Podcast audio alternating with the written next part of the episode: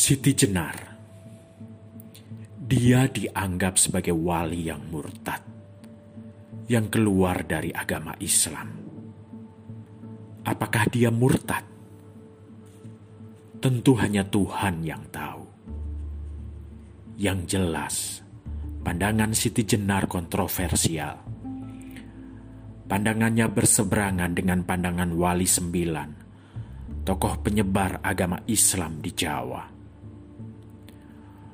Para wali menganggap pendapat Siti Jenar tidak mengikuti pendapat umum.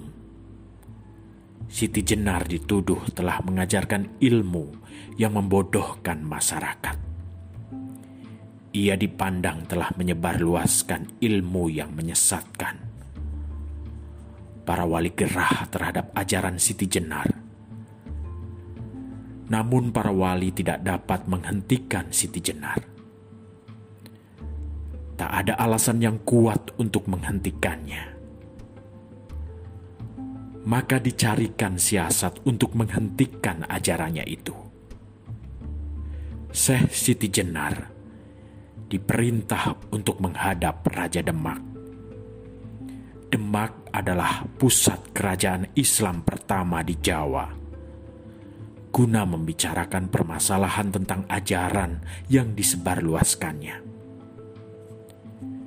Bila Siti Jenar menolak perintah itu, maka para wali diberi hak untuk menghukumnya. Hukumannya berupa penggal kepala. Ada dua versi tentang kematiannya. Yang secara umum diajarkan di kalangan pesantren adalah Siti Jenar dihukum pancung oleh para wali jalan kematian yang diterimanya mirip dengan kematian seorang sufi Baghdad, Mansur al-Halaj. Keduanya sama-sama dianggap mengajarkan ilmu yang menyesatkan umat.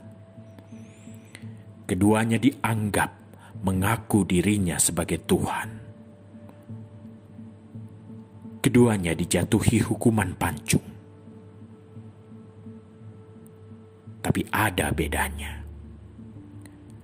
Darah Siti Jenar muncrat dan tetesan darahnya membentuk tulisan Allah. Sedangkan Halaj menetes ke tanah seperti umumnya orang yang dipenggal.